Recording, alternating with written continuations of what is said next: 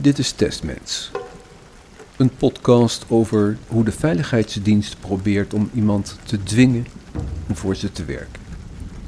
En als dat niet lukt, die persoon te gebruiken als proefpersoon. Testmens. Zoveel toevalligheden, zoveel voorbeelden dat het waar is. Dit verzin je niet.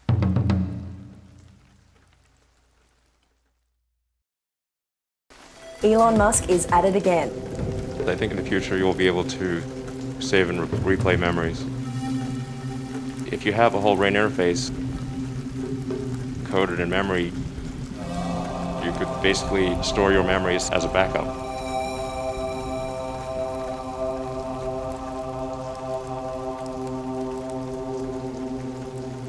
Deze podcastserie gaat over hoe de Nederlandse Veiligheidsdienst oefent op Nederlandse burgers. Onschuldige mensen die gebruikt worden als proefkonijn. En ik ben één van hen. Mijn naam is Raymond en ik maak deze podcast.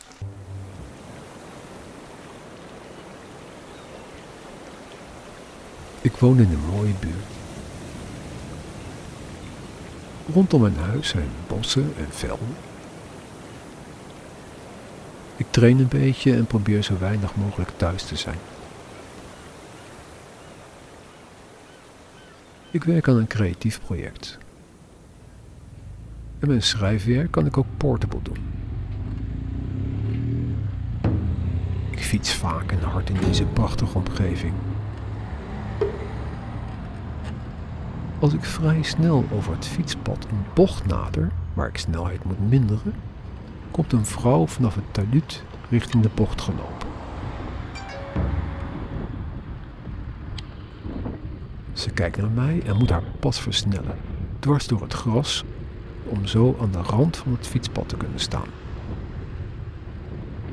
Ik kom snel dichterbij. En zij versnelt nog meer. In haar hand heeft ze een grote koker die lijkt op een gesloten drinkbeker met een deksel. Op het moment dat ik haar op 50 centimeter passeer, zie ik dat ze nog zo'n beker vasthoudt in haar andere hand. Ze houdt de twee bekers voor zich uit met gestrekte armen. Een stukje van elkaar verwijderd op het moment dat ik passeer, maar ze is net iets te laat. Dit zijn twee grote spoelen waarmee iemand een schok kan krijgen. Verderop zit een vrouw die meteen haar veters gaat strikken. Het is lekker weer. Als ik goed geluimd naar de hal loop waar in de partiek brievenbussen hangen en vlak voordat ik met mijn sleutel de brievenbus openmaak om mijn post uit het vak te pakken, krijg ik een enorme schok.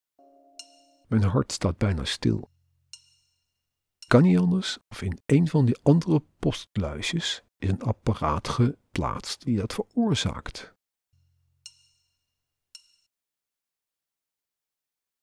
Geen geintje, dit was een elektrische schok met grote kracht.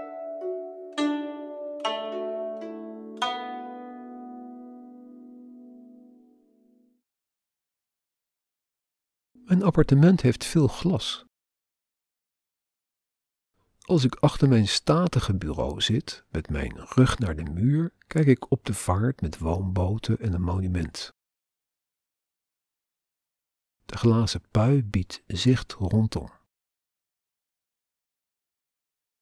Op een middag zit ik achter mijn bureau te werken en op het moment dat een vrouw langs mijn raam loopt, stopt mijn MacBook Air met werken. Na een maand start gelukkig de MacBook weer op.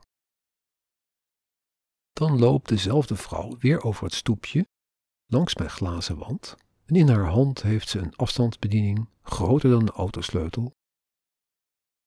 Ze richt die heel kort op mij en weer valt de computer uit. Ik ga naar buiten en loop er achterna.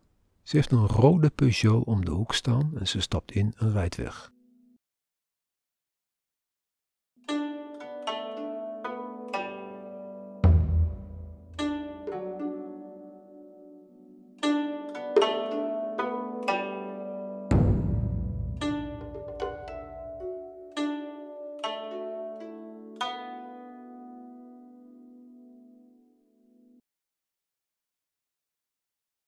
Als ik niet binnenkom, dan moet ik maar onschadelijk worden gemaakt. Een hele actie is opgezet om dat doel te bereiken. Dan krijg ik per telefoon een hele harde boodschap. Er komt iemand langs, ik krijg een zoen, in de deuropening en dan word ik vermoord. Daarna uitgekleed en naakt opgehangen in mijn huis. Ze zullen het respectvol doen. Ik geef bijna toe en laat door telefoon weten dat ze langs kan komen, maar niet alleen aan de deur. Ik eis dat ze binnenkomt. Maar het gebeurt niet. Er gebeurt niets.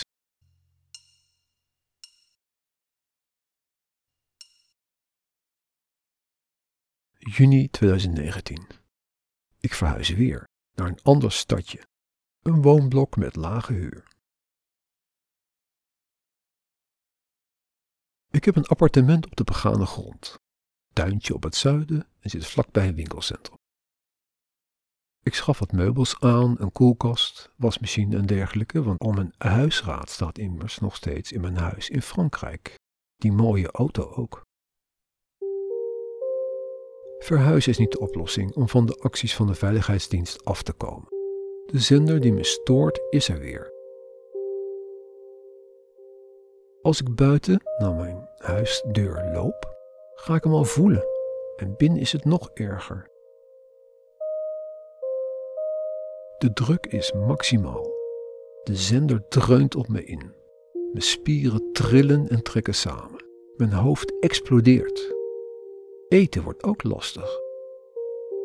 Elk bezoek aan een winkel wordt afgestraft met een overloopactie van de veiligheidsdienst. Ik val kilo's af. Ik zit vast in een gecontroleerde situatie.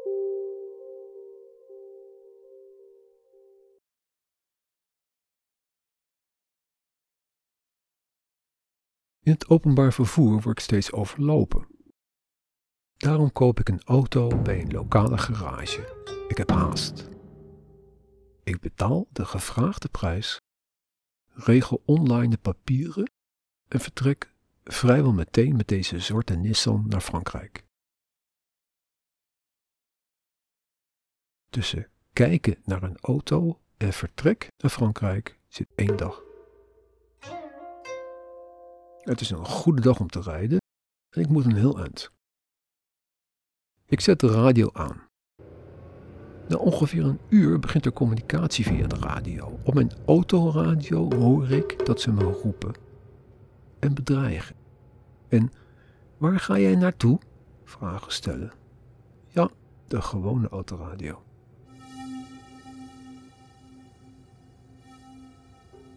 Ze moeten ergens in de buurt zijn. Ik zet de autoradio uit.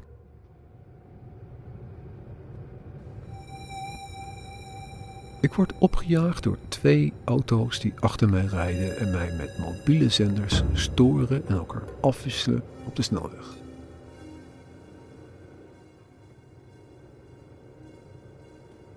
Storing is gekmakend.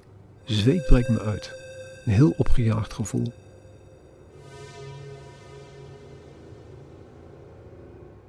Ik rij langzaam, ik rij hard. Het helpt niks. De twee blijven in mijn staart. Het doet me aan Frankrijk denken. Op een gegeven moment, en vlak voor een afrit, had ik een gewone auto in, op zeer hoge snelheid, en stuur ik naar rechts en neem ik toch de afrit. Feitelijk snij ik de onbekende auto af met 20 centimeter verschil. De twee achter mij ben ik kwijt.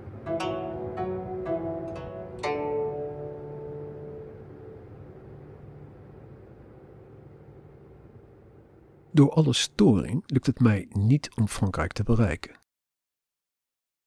Ik kom op een snelweg richting Arnhem en besluit dan maar naar Wageningen te gaan en om onverwacht een kennis te bezoeken. In Wageningen komt in de loop van de dag een hele actie tegen mij. De kennis is er niet. Ik laat mijn auto vol spullen achter in een parkeervlak bij haar huis. En ik wandel door Wageningen. Terwijl ik de straat oversteek in de binnenstad, steekt ook een groepje van drie Chinese vrouwen over in mijn richting. Vlak voordat die vrouwen mij kruisen, komt een lange, slanke man met grijs haar me tegemoet, schuin, net voor de Chinezen mij passeren. En hij zegt met woorden: Raymond, kijk uit voor de Chinezen, ze proberen je te vergiftigen. Heel snel. Heel haastig. Hij draait meteen van mij weg de andere kant op. De Chinese vrouwen kan ik niet meer ontwijken, maar later besef ik me dat hij waarschijnlijk zelf de dader was. Want ik voel me meteen heel raar. En de volgende uren zal ik heel veel moeite hebben met lopen, evenwicht, praten. Ik kan me nauwelijks overeind houden. Recht lopen is vrijwel onmogelijk. Ik leun enkele uren tegen een muurtje en ik vraag me af hoe ik verder kom.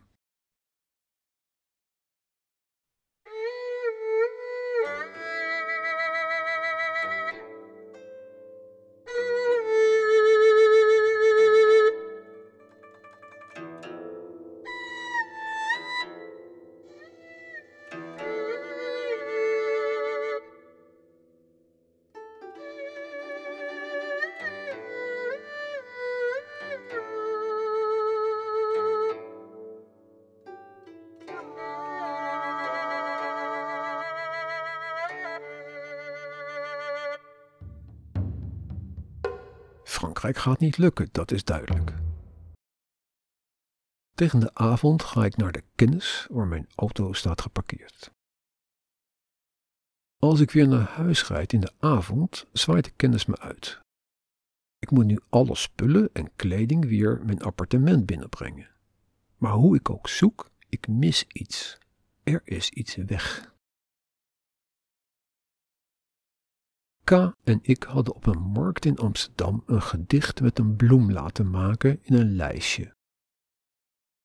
Dat had ik meegenomen met de vakantiespullen. Maar ik kon het nergens meer vinden. Niet in de auto, niet tussen mijn spullen, nergens. Ik zoek en zoek en haal mijn hele huis overhoop. Weg. Nog een keer zoeken. Weg. Het plankje in de kelderkast waar het eerst lag, had ik zelfs helemaal leeg. Het is er niet. En omdat het emotionele waarde heeft, zal ik ook de dagen daarna opnieuw alles overhoop halen, zelfs de vuilnisbak. Het kan niet anders dan dat het uit de auto is gehaald in de parkeertijd in Wageningen. De auto stond daar een groot deel van de dag en begin van de avond. Maar Waarom en door wie? Enkele maanden later komt K toch weer langs om te blijven slapen. We proberen het weer. Als de volgende dag weer naar huis is, wil ik wat van de plank pakken in de kast. En daar ligt het gedicht met de bloem in zijn lijstje. Verbijsterd. Ook over de brutaliteit. Dit heeft K daar neergelegd.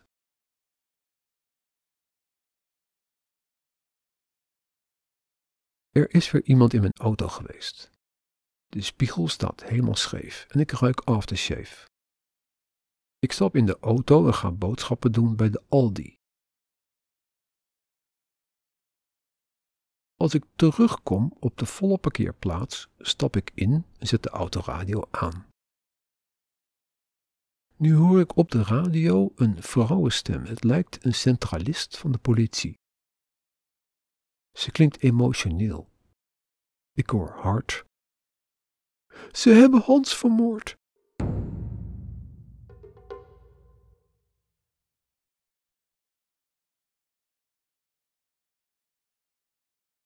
Vijftien september 2019. Na het fietsen kom ik thuis. Er ligt een briefje van K. Ze is bij me aan de deur geweest. K zorgt ook heel goed dat haar alibi in stand blijft. Dat dit haar laatste poging was om ons weer bij elkaar te krijgen. maar haar briefje is een maand verkeerd gedateerd. Er staat 15 oktober.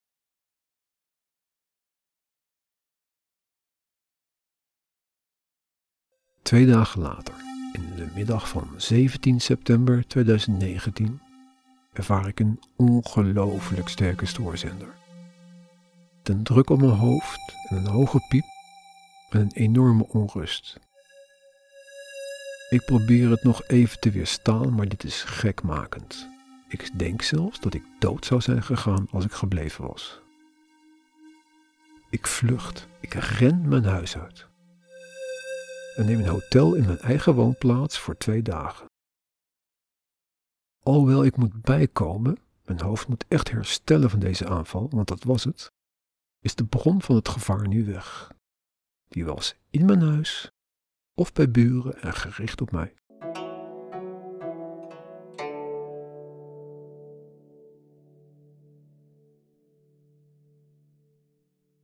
Ik sprokkel al mijn moed bij elkaar en half januari 2020 rij ik opnieuw naar mijn huis in Frankrijk. En het lukt dit keer. Eindelijk weer in huis. De tuin is een chaos. De muizen hebben gefeest. 25 kilo hondenvoer opgegeten en nesten gemaakt. Ik moet eerst flink aan de slag om het bewoonbaar en fris te maken. Ik heb een enorme voorraad droog beukenhout. De kachel gloeit. Sneeuw is zacht en ik pak weer brood. Wel alleen zo, zonder de vertrouwde hond. Maar ik ben niet alleen. Hier maak ik voor het eerst mee dat de IVD in mijn hoofd geluid laat afspelen. Kraak, helder en live. Techniek heb ik aangegeven, geloof me, het kan.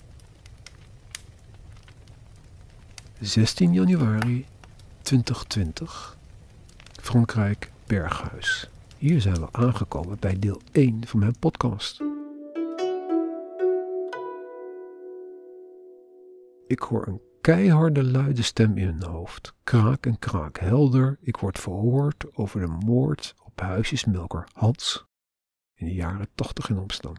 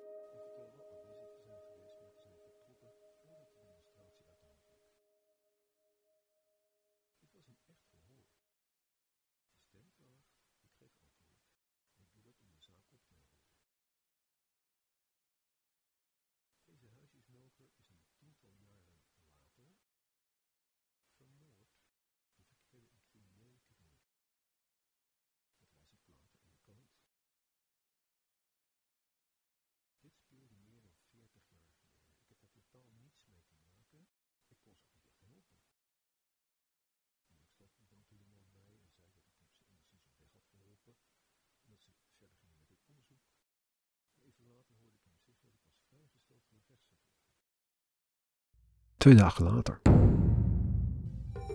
Stem. Rimmel, wie is Mardi? Dit is een van de meest komische en techniekbevestiging dat ze mij kunnen volgen. Want ik had een aantal keren aan Mardi gedacht. Ik moest iets doen met Mardi. En misschien zelfs ook wel gemompeld. Dit is de tweede keer en de laatste keer dat ik bewust antwoord heb gegeven, want de vraag was zo dom. Mijn antwoord: Mardi is dinsdag. Dat is Frans voor dinsdag. Lundi, mardi, mercredi. Dit is dus een Nederlandse vraag die in mijn huis in Frankrijk wordt gesteld. En de vragensteller zag dat hij een vergissing had gemaakt. Stem. Oh ja, natuurlijk.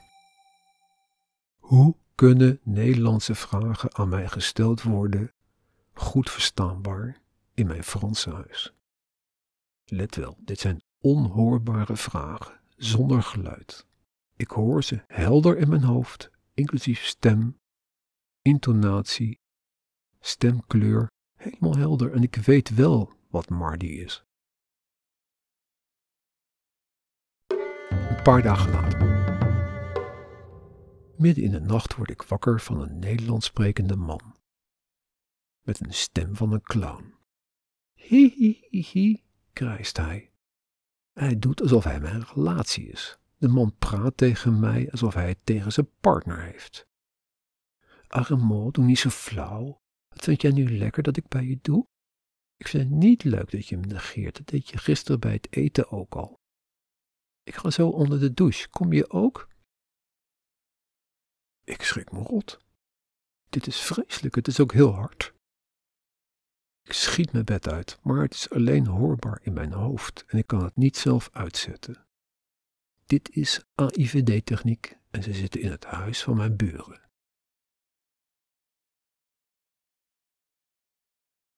Gelukkig blijft het hierbij.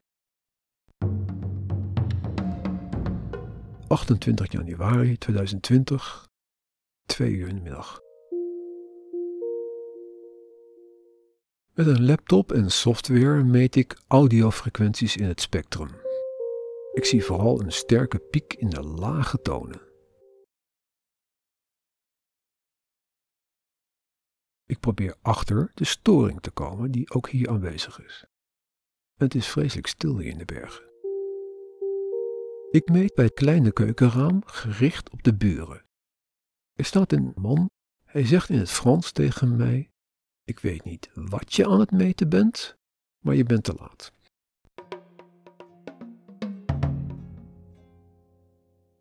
Ik ga meteen naar buiten. Een jonge man, eind twintig, staat voor het huis. Hij hijgt nog na van de sprint die hij heeft getrokken.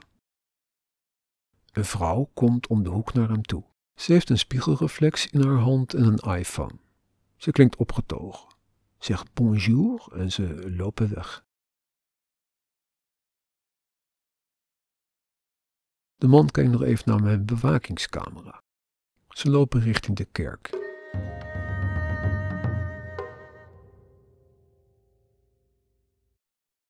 Ik kon bijna twee weken werken aan achterstallig onderhoud in mijn huis, tot ik met de radiotechniek te grazen werd genomen.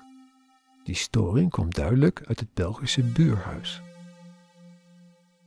De buren zijn ineens weg, andere mensen zitten in een verder donker huis.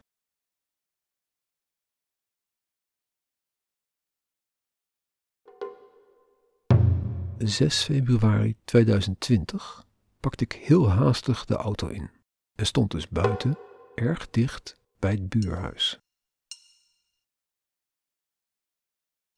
Vlak voordat ik instapte om weg te rijden, gelijktijdig met een enorme sterke storing, hoorde ik keihard de volgende tekst in het Frans. Stem, u heeft geen toestemming voor vertrek. Vous avez pas permission pour départ. Ik stap in en rij weg.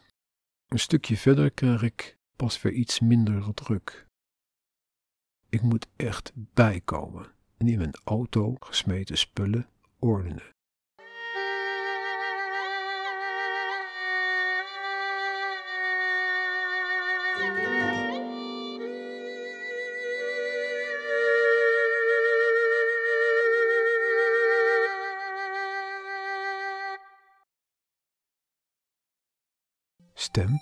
We gaan je zoveel mogelijk negatieve dingen laten meemaken.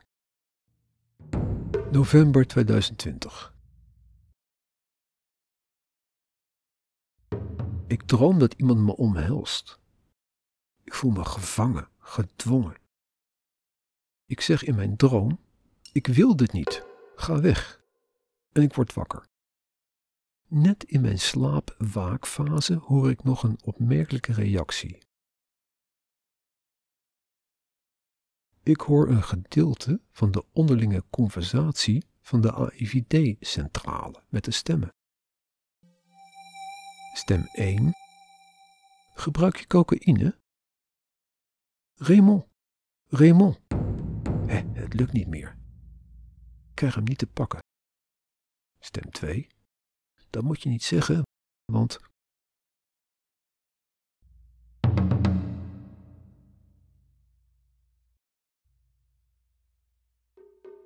...18 december 2020, 8 uur. Ik bel Ziggo op om mijn internetverbinding op te zeggen, want ik ga verhuizen. Ik krijg na het 0800-nummer eerst een stem. U belt met Ziggo. Stilte. Ik verbreek de verbinding en bel opnieuw, hetzelfde nummer. Ik hoor nu iemand op de AIVD-centrale, mijn achternaam zegt en vervolgens vrijgeven. Nu kan ik wel keuzes maken. Voor wijzigingen kies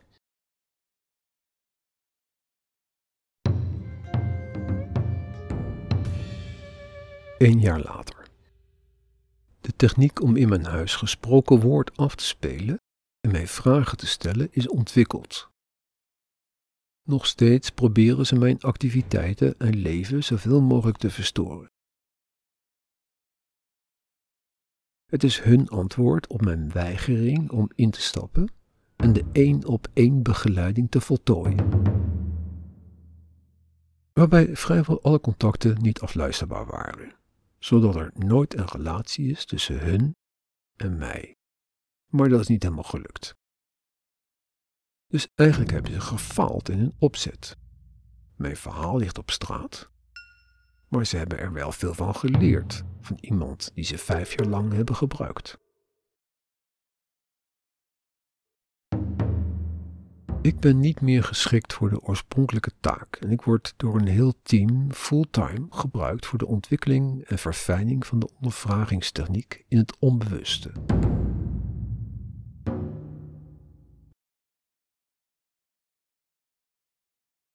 ...15 november 2021. Het lukt nu ook om mij te bereiken in de haven waar mijn boot ligt. Ze proberen mijn handelingen tijdens het aanleggen te onderbreken, gelijktijdig een stem die me de gebruikelijke vragen stelt. Dat op een moment waar ik al mijn aandacht nodig heb om ongelukken te voorkomen. Ik ben boos en scheld de stem hardop uit die mij probeert te onderbreken. Ik probeer te provoceren en dat lukt. Ik word gehoord. Ineens schakelt de stem en hoor ik de stem van een jonge vrouw die me ineens keurig meneer en dan mijn achternaam noemt. Maar ik ga gewoon door met beledigen, tot het randje en eroverheen. En dan breekt ze. Nu hoor ik plots een deel van de conversatie in de AIVD-centrale. Eén stem is de geëmotioneerde jonge vrouw, en de andere stem is die van een begeleider, een oudere mannenstem. Stem 1. De jonge vrouw roept geëmotioneerd. Ik wil dit niet meer. Stem 2. De mannenstem met gezag. Dit is een grote spion. Stem 1 weer, de jonge vrouw. Nee, dit is een gewoon burger.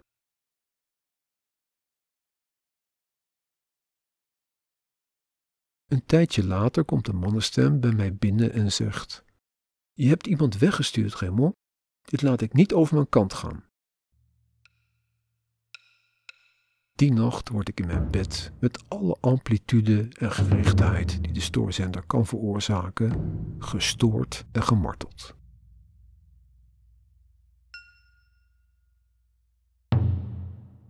Ze hebben me al twee jaar geleden gezegd dat ze dit gingen doen en denken zo iemand te kunnen controleren. We kunnen je ook gek maken, is dan het dreigement. Je kan het toch niet bewijzen. Maar ik kan wel mijn verhaal vertellen. Om jou een volledig beeld te geven van een techniek, heb ik een aantal voorbeelden die opmerkelijk zijn onder elkaar gezet. Maak je eigen keuze. Uit mijn dagboek. December 2021. De zender wordt na de stilte weer aangezet. Harder en harder. Mijn hoofd ontploft bijna. Ik zeg hardop in de woonkamer: Moet ik soms een hersenbloeding krijgen? Stel je gekken? Nu hoor ik de onderlinge conversatie van de controlekamer AIVD. Stem 1. Hoeveel? Stem 2. 40 watt. Weer opnieuw stem 1. Dat is te veel in het begin. Nu wordt de druk op mijn hoofd iets minder en ik mopper nog wat na in de woonkamer. Verongelijkte stem. Je kan me ook bedanken.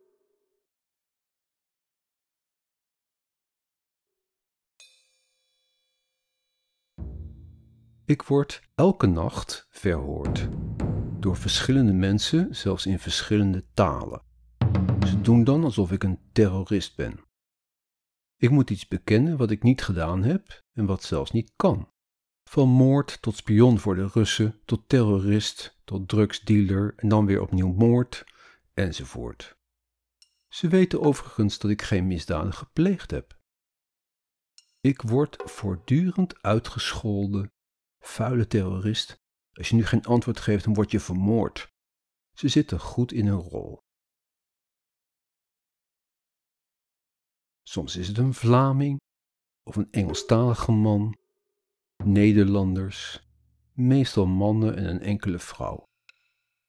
Er wordt op mij geoefend met het stellen van vragen met deze techniek.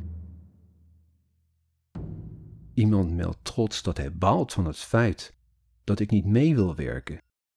Want hij had zijn vragen voorbereid in het Nederlands, Frans en Engels. Als ik niet meewerk, delen ze pijnprikkels uit. Stem. Er gebeurt iets in je hoofd wat je niet fijn vindt. Als je antwoord geeft, houdt het op. Mijn slikreflex wordt dan bijvoorbeeld continu aangejaagd en ik blijf maar slikken. Met mijn hand voel ik dan ook de keel trillen. Ik word als een proefdier behandeld. Sommigen excuseren zich, nu ze mijn podcast hebben gehoord. Je hebt al zoveel ellende meegemaakt en nu moet ik mijn deel daar nog aan toevoegen, zegt er een. Anderen gaan meer op de martelstijl en beginnen meteen met maximale druk en pijnprikkels uit te delen. Ik ga je helemaal kapot maken, zegt hij.